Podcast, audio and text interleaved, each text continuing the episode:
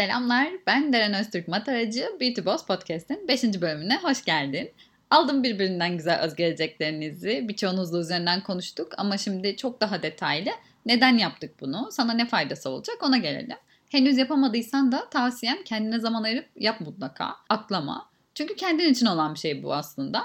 Yakınındaysa önüne almanı isteyeceğim şimdi onu. Baka baka üzerinden konuşacağız biraz. İlk kısmı özgeçmişle başlamıştık zaten. Kendinden bahsettiğin, nerede, ne okudun, nerede çalıştın, kısacası bu zamana kadar sen ne yaptın? Bunun amacı kendinin farkına varman içinde. Bu kısımla ilgili kendine 10 üstünden mesela bir puan ver. Ne kadar doldurmuşsun kendini bu zamana kadar? Zamanını iyi değerlendirip kendini geliştirmiş, zenginleştirmiş misin? Yoksa zamanı boşa mı harcamışsın? Peki kaç olmak isterdin mesela? 7 mi, 9 mu ya da 10 mu? Hiçbir şey için geç değil biliyorsun. Hala kendini geliştirebilir. Bugünkü senin üstüne koyabilirsin. Sen sadece neyle eksik olduğunu fark et ve bunu geliştirmek iste yeter ki. Eksik gördüğün seni neyle tamamlayabilirsin onu düşün biraz. Dilinin mesela daha iyi olmasını mı isterdin? Ya da biraz daha iş tecrübenin olmasını mı? Bir yüksek lisans da olsa aslında fena da olmaz mı diyorsun? Ya da mesela hep istediğin bir kurs vardır belki.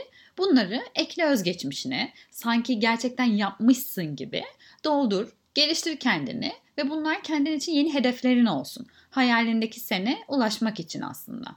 Neden kendinin peki farkına varmanı istiyorum?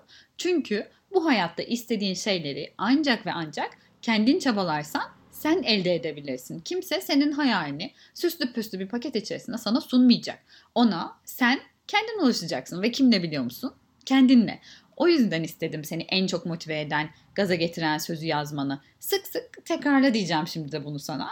Tekrarla içinden. Bu bir şarkı sözüyse mesela aç o şarkıyı bağıra bağıra söyle mesela en düşük hissettiğin anda. Ya da telefonuna güzel bir şekilde yaz arka plan yap. Hatta bugün paylaş mesela Instagram'ında, Twitter'ında. Ve en sevdiğin, en güçlü olduğunu düşündüğün 3 özelliğin. Peki bu neden gerekli? Seni istediğin hayale götürecek en önemli 3 silahın bunlar çünkü. Mesela çok mu düzenlisindir? Zamanı iyi mi yönetirsin? İnsan ilişkilerin mi çok iyi? Ya da iyi bir ikna edicisindir. Hatta belki de çok iyi araştırıyorsundur ve çok okuyorsundur. Şimdi her birini bağla hayaline. Mesela çok düzenli olduğum için, zamanı iyi yönettiğim için, çok konuştuğum için gibi gibi yaz bunları da en iyi 3 özelliğinin yanına hayal kısmına bölümün sonunda geleceğim. Biraz şimdi 21 yaşındaki Deren'e geri dönelim. Bugünkü benim ben olmamda en büyük katkısı olan en gargamel kişide kalmıştık. Seviyorum böyle heyecanlı yerde bırakmayı. Hikayeyi bilenler bile diyor ki Deren hadi bekliyoruz artık yeni podcast'i yayınla diye. Altı katlı ofis binamızın birinci katının sol yarısı. Bizim de Kozmedim bölümü ve bir odanın içerisinde Osman Bey, karşısında da ben ve Nesin Hanım birlikte oturuyorduk. Tabii küçük bir alanda olduğu için her telefon konuşması, her fikir herkes tarafından duyuluyordu. Ve bu da sürekli herkese birbirleriyle ilgili yorum yapma hakkı veriyormuşçasına sürekli böyle bir tartışma çıkıyordu. Nesrin Hanım'la Osman Bey sürekli ama bağırış çağırış kavga ediyorlardı. Ama aklına gelebilecek her konuda. İkisi de her zaman kendi fikrinin doğru olduğuna inanıp karşısındakini de dinlemeden direkt taarruza geçen insanlardı. Ben de hep nasıl bir bencillik derdim. Bir dur, bir dinle, hani sana diyorum ya böyle en sevdiğin özelliklerini bil, onlarla hayaline ulaşacaksın diye. Benim de aslında kendimde en sevdiğim özelliklerimden bir tanesi de çok iyi gözlemci olmamdır. Nesrin Hanım'la Osman Bey'in bu kavgalarını gözlemlemek benim için açıkçası ileride nasıl birisi olmak istemediğimi çok net belirlememi sağlamıştı. Bir gün agresif agresif bağırdıktan sonra ertesi gün canım cicim muhabbetleri, sonraki günde arkadan birbirlerinin dırdırdır dır konuşmaları asla bana samimi gelmiyordu. Ve ortamın da bence huzurunu yok ediyordu. Bana göre iş ortamı dediğin keyifli olmalıydı, huzurlu, agresifliklere, gerginliklere ne gerek vardı? Önce dinleyebilmek gerekiyordu bence. Fikrini kısık sesle de dile getirebilirsin mesela. Yeter ki karşı taraf seni dinlemeye razı olsun. Osman Bey hayatımda gördüğüm en kötü, en samimiyetsiz, ruhu geçmiş, bencil kişiydi, yöneticiydi. Ekip lideri bir satış müdürüydü bence. Ve bana gerçekten çok şey öğretti. Onun gibi biri olmamayı, iyi olmayı, samimi, enerjik, güler yüzlü bir yönetici, ekibini dinleyen, fikirlere değer veren bir lider olmayı öğretti bence bana. O yüzden teşekkürler sana Osman'cığım. Zaman geçiyordu. Kendi halimizde bir şeyler yapmaya çalışıyorduk biz de. Küçücük markamızda bile pazarlama satış savaşları vardı. Satış bize satamıyoruz çünkü yeterince bilinirliğimiz yok diyordu. Biz yeterince bütçemiz yok ki bilinirlik yaratalım diyorduk. Sadece dergi reklamları ve internet reklamları ile ilerlerken babamı ikna ederek bütçemizi de tabii çok çok aşarak televizyon ve gazete reklamlarına başlamıştık. Aklında tabii profesyonel bir şey asla canlandırma. Gayet amatör bir prodüksiyon oluşturulmuş bant reklamından bahsediyorum. Kadın programları olsun, akşam dizileri olsun prime time'da böyle 9 saniyelik bant reklamlarımız çıkıyordu televizyonda. Şu an gözümün önüne televizyon medya planı için babamın verdiği çekler geliyor. Çünkü bugün bile asla harcamayacağım çok büyük tutarlardı. Ve tabii ki biz bekliyoruz ki bu reklamlar sonrasında telefonlar susmayacak, satışlar patlayacak. Ee, ne oldu? Hiçbir şey hiçbir şey olmadı. O büyük reklam yığınının içinde kendimizce büyük, sektörce, minicik bir bütçeyle tabii ki de beklediğimiz bir algıyı yaratamamıştık. Yeterince yaygın olamadığımız için de satış kanalında büyük ihtimalle dikkatini çektiğimiz böyle 3-5 kişi varsa da onlar da ürünlerimize zaten ulaşamadı ve bu da bizim boşluğa harcadığımız bir para olmuş oldu. O yılın sonunda bilançodaki zararı asla asla unutamıyorum zaten. Tabii reklam faaliyetlerimizden hiçbir olumlu geri dönüş olmayınca ve bütçelerde artık tıkanınca Nesrin Hanım'la yollarımızı da ayırma kararı almıştık ve babam bana o beklemediğim soruyla gelmişti. Deren sen pazarlama müdürümüz olur musun? 22 yaşıma geliyordum ve nasıl yapacaktım bu küçücük halimle? Küçücük halimle diyorum.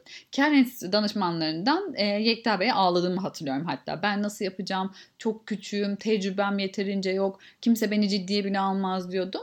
Yekta Bey de sağ olsun kendilerinde benim arkamda olacaklarını ve pazarlamanın zaten en sevdiğim alan olduğunu bana söyledi.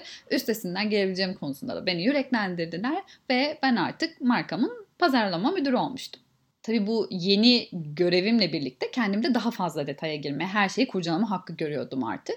O dönemdeki kozmedi bir anlatayım sana. Hedeflerini gerçekleştirmek bir kenara, yanına yaklaşamayan bir kozmet canlandırı gözünde. Türk markası olduğu için eczacılar tarafından randevu bile alamayan, kendini anlatamayan, bir şans dahi verilmeyen, seneye nasıl olsa batarlar diye konuşulan bir kozmet. Böyle olmasının sebebi de belli aslında. Geçmişteki Türk markalarının yarattığı güven problemi sebebiyle eczacı artık bir Türk markası daha mı sağ ol canım almayayım moduna girmişler. Klasik Türk markası algısı da şu olmuş. Ürünler ilk çıktığında çok etkili sonuçlarla başarılı satışlar elde edilir. Bir zaman sonra firmada tabii yeteri kadar para kazandıktan sonra etken maddeden çalmaya, kaliteyi düşürmeye başlar. O paralar da büyük ihtimalle başka sektörlerde çarçur edilir, müşteri memnuniyeti düşer, satışlar düşer ve marka batar. Yani klasik hikaye bu. Tabii olan eczacının hastası yani müşterisiyle olan güven ilişkisi ne olur? Bu o kadar çok yaşanmış ki hatta eminim senin bile aklına böyle bir iki marka gelmiştir. Şu an ya evet zamanda ne de çok reklamı yapılırdı Nerede şimdi o marka diyorsundur. Bu algıyı kırmak gerçekten yıllarımızı aldı. Diyemeyeceğim çünkü hala da devam ediyor. İnanır mısın? Hala bazı eczaneler Türk markası olduğumuz için bugün dahi almamaya ne yazık ki devam ediyorlar. Tabii bir başka sebepse Osman ve tabii ki e, bana çok yanlış gelen stratejileriydi. Derdim hep bu nasıl satış müdürü hep masasında oturuyor diye. Hani ne bileyim çık sahaya, müşterilerini tanı, ekibinle vakit geçir, ekibiyle tabii yeterince vakit geçirememesi aslında onların en çok ihtiyaç duydukları motivasyonun eksikliğine sebep oluyordu. Ekipte kendine güven, cesaret eksikliği problemi vardı bence ve bu nedenle aslında hep kolaya kaçıyorlardı. Satışlarımızı yaptığımız, ürünlerimizi verebildiğimiz eczaneler sadece rekabetin hiç olmadığı, dermokozmetik ürün satmayan eczanelerdi. Asıl rekabetin döndüğü, yabancı dermokozmetik markalarının da satıldığı merkezi lokasyonlardaki A+ diye adlandırılan eczanelerin bir tanesinde bile de yoktu. Tabii Osman'ın ekibiyle olan bağdaki sorunlar, müşteriyi ve potansiyel müşteriyi yeterince tanıyamıyor olması da zaten hedeflerini tutmasına da engel oluyordu haliyle. Çünkü doğru stratejiyi belirleyemiyordu. Çünkü uzak kalıyordu. Daha çok ilaç şirketi mantığıyla hazırlanan kampanyalarla, çok da verimli olmayan prim sistemiyle de tıkanıp kalıyorduk ve bu her ay böyle kendini tekrar ediyordu. Biraz daha gözlemleyelim, olacak bekleyelimler artık tükenmişti ve babam da artık Osman Bey'i sorgulamaya başlamıştı. En nihayetinde babam için kozmetik sektörü ve dermokozmetik alanı yepyeni bir alandı. Sanayi kuruluşlarına verilen hizmetten çok daha farklısı gerekiyordu eczaneler için. Burası birazcık daha perakende alanıydı aslında. Ve Osman Bey de zaten bu sebeple vardı. Tecrübesi ve bilgi birikimiyle doğru stratejilerle sektörde etkin Rol alabilmek için kendisiyle çalışıyorduk ve sonuçtan da hiç memnun değildik. Kar Enstitüsü çalışmaları sonucunda da satış tarafında takipsizliğimiz, hedeflerimizin gerçekçi olmadığı, yöntemimizin yanlış olduğu gibi gibi bir sürü değerlendirmeler karşımıza gelmeye başlamıştı artık. Bir yandan ben kendimi nasıl geliştirebilirim onu araştırıyorum. Üye olabileceğim derneklere bakıyorum, yüksek lisans için okulları, programları inceliyorum. Hayatını değiştiren, daha doğrusu ona yön veren bazı detay anlar vardır. Sonrasında geri dönüp baktığında ya orada bulunmasaydım her şey nasıl ilerlerdi diye sorguladığı. O detay minik anlardan bir tanesi de babamla bir yönetim konferansındayız. Kahve molasında konferans katılımcılarında Melih Mekik'le tanışıyor babam ve sohbet ederlerken Melih Bey bana Platin dergisinin kapağını gösteriyor. Derginin kapağında Leyla Alaton ve Burcu Aktar'ı var. GİAD yani Genç Yönetici İş Adamları Derneği'nin eski başkanı Leyla Hanım ve yeni başkanı Burcu Hanım bir arada. Ve bana sen de bu derneğe mutlaka üye olmalısın diyor Melih Bey. Evet araştırdım ama benim için henüz erken en az 25 yaşında olmak gerekiyormuş dediğimi hatırlıyorum. Ki o zaman işte 23 yaşındaydım. Melih Bey Derneği'nin eski başkanlarından olduğunu ve kendisinin bana referans olacağını mutlaka başvurmam gerektiğini belirtmişti. Ertesi gün derneği arayıp başvuru formunu doldurmuştum ben de. Mülakat sonrasında da dernek üyeliğim hemen kabul edilmişti. En yakın etkinlikleri de bir sonraki günkü üye buluşma gecesiydi. Bu üye buluşmaları her ay düzenlenen üyeleri bir araya getiren bir network etkinliğiydi. Ve giderken yanıma çokça kartvizit almayı unutmamam söylenmişti. Etkinlik Ulus 29'daydı ve ben de söylendiği gibi hanım hanımcık bir halde kartvizitlerimle oradaydım. Karşılaştığım herkese kendimi tanıtıyor, kozmedi, hayalimi anlatıyordum. Ee, yine bir girişimci kuralı, çekinmek yok, tanışmaktan korkma. Bazen karşındaki çünkü tam da tanışman gereken bir kişi olabilir ve sen onu utanarak kaçırmaya razı mısın? Bunu her zaman sor kendine. O yüzden hiç çekinme. Sen ne kadar küçüksünlerle dolu bir akşamda benim için. O gün çok kişiyle tanışmıştım. Girişimcisi, avukatı, aile şirketinde çalışanı, kurumsal şirkette yöneticisi. Ama elimde bir kartvizit vardı ki eve gider gitmez babama anlattığım bir headhunter firması sahibi Meltem Hanım. Headhunter şirketleri ne yapar? Burada araya gireyim organizasyonların özellikle üst düzey pozisyonlarına yönelik arayışlarında kendilerine uygun adayların araştırılması, bulunması, mülakatların yapılması ve firmaya kazandırılması sürecini gizlilikle yürüten aracı kurumlar aslında headhunter firmalar. Ve ben bunu babama anlattığımda babam da ertesi gün zaten bir headhunter firmasının ofise geleceğini sonrasında da benim bahsettiğim firma ile de görüşebileceğimizi söylemişti. Ertesi günde babam bu gelen headhunter firmasıyla tanışmak için beni odasına davet ettiğinde ben tabii şok olmuştum. Çünkü tam da karşımda oturan kişi benim bir gün önce tanıştığım Meltem Hanım'dı. Meltem Hanım'la beraber çalışmaya başlamıştık. Kendisi ve ekibi sektörümüzdeki tüm satış müdürleriyle önce bizim adımızı gizleyerek belirli bir eleme sürecinden sonra da adımızı vererek çeşitli görüşmeler gerçekleştirmişti. En sonunda geriye 3 yeni satış müdürü adayımız kalmıştı.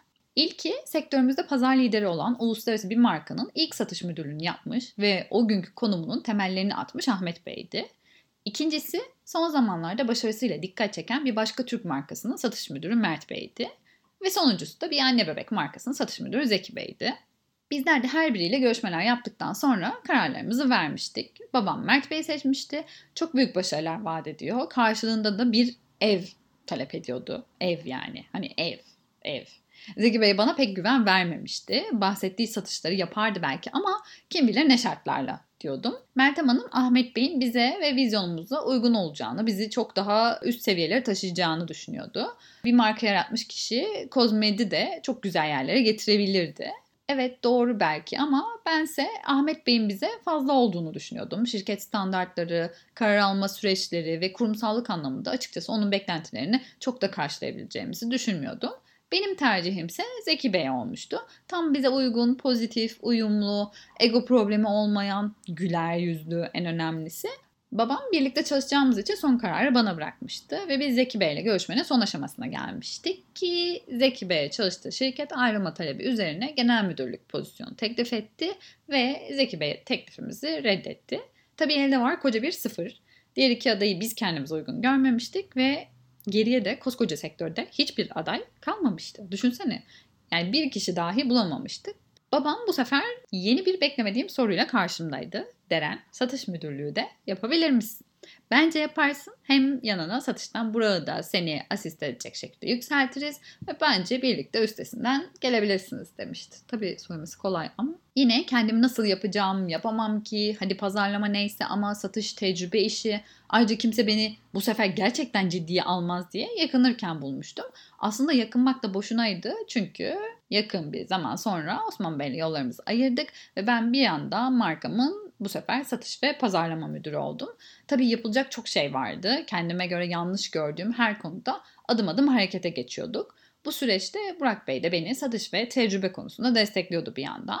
En büyük projem ürünlerimizin A Plus eczanelerde satılabilmesi üzerineydi ve yaptığım araştırmalar sonucunda birçok A Plus eczanenin üye olduğu bir dernekle karşılaştım. Farmetik Girişimci Eczacılar Derneği. Dernekle iletişime geçtiğimizde bize randevu vererek firma tanıtımı gerçekleştirebileceğimizi söylediler. Sunum zaten benim işim ve eminim ki herkesi etkileyeceğim diyordum ki öyle de oldu. Hatta yaşımın küçük olmasının bir avantajı da olmuş oldu. Çünkü sunum sonrasında bazıları beni kendi gençliğine, bazıları kendi kızına benzetmiş. Hatta bazıları da ay senin gibi bir gelinim olsa demişlerdi. Bence etkili bir sunumun olmazsa olmazları kesinlikle samimiyet ve kendine güven. Ve dernek bize bir teklifle gelmişti. Üyelerimize özel olarak her ürününden ikişer adet ücretsiz istiyoruz demişlerdi. Yanlış hatırlamıyorsam 150'yi aşkın üyeleri vardı. Bizde de o dönemde 22 adet ürün vardı. Yani toplamda 6600 tane ürünü hediye etmeni istiyoruz diyorlardı bana. Ve ne derece mantıklıydı. E, hesap kitap yapıldığında aslında çok ciddi bir tutar çıkıyor karşına. Aslında tam da zamanında karşımıza çıkmış bir teklifti bence o dönemde.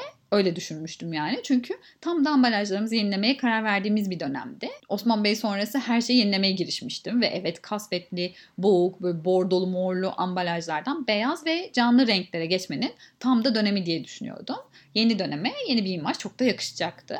Derneğin teklifini kabul ettik ve o akşam heyecanla değerli ekibimin tüm üyelerine hem heyecanımı hem Kozmed'in yeni dönemini bu projenin markamız olacak katkısını anlattım. Böyle upuzun bir mail göndermiştim. Artık her şey çok güzel olacaktı ve sabahın olmasını sabırsızlıkla bekliyordum.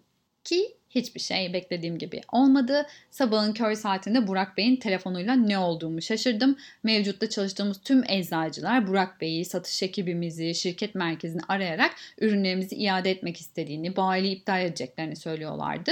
Mailleri güncelledikçe hakaretler dolu yeni mailler karşıma geliyor. Şirket telefonları susmuyor, biri kapanıyor, diğeri açılıyordu. Durumu anlamamız çok da zaman almamıştı tabii. Benim değerli dediğim ekibimden Aslı Hanım, parantez içinde içimizdeki köstebek, akşam göndermiş olduğum işbirliğinin detaylarını anlatan mailimi Osman Bey'e göndermiş. Osman Beyciğimiz de yaşından başından utanmadan şirketten ayrılırken yanına aldığı tüm eczacılarımızın e-mail adreslerine değerli eczacılarımız Kozmed'i bu zamana kadar siz desteklediniz. Kozmed ise sizlere sunmadığı avantajları başka eczacılara sunuyor diyerek işbirliğimizin tüm detaylarını anlatan bir mail göndermiş gece gece üşenmeden bir de spama düşmesin diye 10 kişi 10 kişi ve ben 23 yaşında o zamana kadarki hayatımın en zor anında koskoca bir problemle baş başa kalıyorum. Ne yapacaksın Deren? Hikaye burada beklesin. Şimdilik bölümün sonuna gelelim. Hazırladığın özgeçmiş, öz geleceğine geliyorum. Onu duvara asma cesaretin var mı? Kim olduğuna, ne yapmak istediğine her gün bakmaya ve ona bir adım daha yaklaşmaya hazır mısın? Evet senden şimdi bunu istiyorum. Sabah kalktığında evden çıkmadan mutlaka göreceğin bir yere koy bunu ve her sabah yüzleş hayalinle. Ona bir gülücük at, merhaba de, sen gerçek olacaksın de.